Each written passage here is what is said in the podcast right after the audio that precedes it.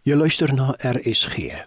Dit is nou tyd vir die vroegoggendgedagte, volgende aangebied deur Dr. Andre Bester van die Evangeliese Gereformeerde Kerk Pretoria Oos. Goeiemôre luisteraars. Ons het die afgelope week stil gestaan by Kolossense 3, daarvan vers 3 tot 5 en ek wil dit net weer lees vir kontinuïteit. Paulus sê ek dank die God en Vader van ons Here Jesus Christus altyd as ons vir julle bid omdat ons gehoor het van julle geloof in Christus Jesus en julle liefde tot al die heiliges vanweë die hoop wat vir julle weggelê is in die hemele waarvan julle ook vroeër gehoor het deur die woord van die waarheid van die evangelie wat julle sowel as die hele wêreld bereik het en dit dra vrug Nou vanmôre wil ek my dankbaarheid uitspreek vir die krag van die evangelie, die blye boodskap van Jesus Christus wat vir ons dan die verlossing teweeggebring het. Die Here skenk vir ons uit sy wonderlike genade verlossing en dit kom na ons toe deur die heerlike evangelie wat verkondig word. In Romeine 1 vers 16 sê Paulus: Ek skaam my nie oor die evangelie van Christus nie, want dit is 'n krag van God tot redding vir elkeen wat glo, eerste vir die Jood en ook vir die Griek. En so was daar 'n dag in my lewe toe ek met die evangelie bedien is en die verlossing van Jesus Christus vir my 'n werklikheid geword het. Ek wil graag so 'n ware verhaal met jou deel ten slotte as ons oor die verlossing wat Jesus vir ons gebring het, ons dank betuig.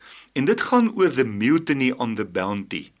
Die Bounty was 'n Engelse skip wat in 1790 nege mans op die skip vir muitery skuldig bevind het. Ses van hulle was inheems manne van Tahiti en drie Britte en daar was daar ook 12 inheemse vroue van Tahiti wat saam met hulle van die skip afgesit is op die Pitcairn Island. Nou word daar vertel toe hulle op die eiland aangekom het Daar was niks en niemand op die eiland nie. Het een matroos dadelik begin om vrugte bymekaar te bring om alkohol te brou. En in die klein kolonie was hulle spoedig in elende gedompel. Maar 10 jaar later het een Britse man wat oorleef het, tussen hulle besittings 'n Bybel gevind. Hy het dit begin lees en dit het sy lewe verander. Hy het die verlossing in Jesus ontdek. Hy het ook dit aan almal op die eiland voorgehou en almal in die kolonie se lewens is getransformeer. In 188 het die USS Topaz 'n skip die eiland Pitcairn ontdek en wat het hulle op die eiland aangetref? 'n Welvarende gemeenskap met geen tronk, geen alkohol, geen misdaad en geen luiheid nie. Dit was die wonderlike effek en die vrug van die evangelie op hierdie eiland. En so dra die evangelie vandag steeds sy vrug waar dit verkondig word. Kom ons dank die Here daarvoor. Hemelse Vader, aan die einde van hierdie kort oordeenkings in die week, wil ons U dank vir die wonder van die evangelie.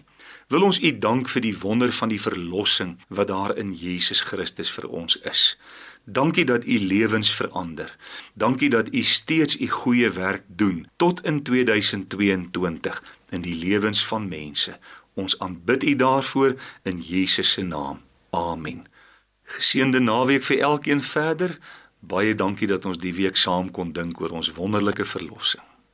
Dit was dan die vroegoggendgedagte hier op RSG, aangebied deur Dr. Andre Bester van die Evangelies Gereformeerde Kerk Pretoria Oos.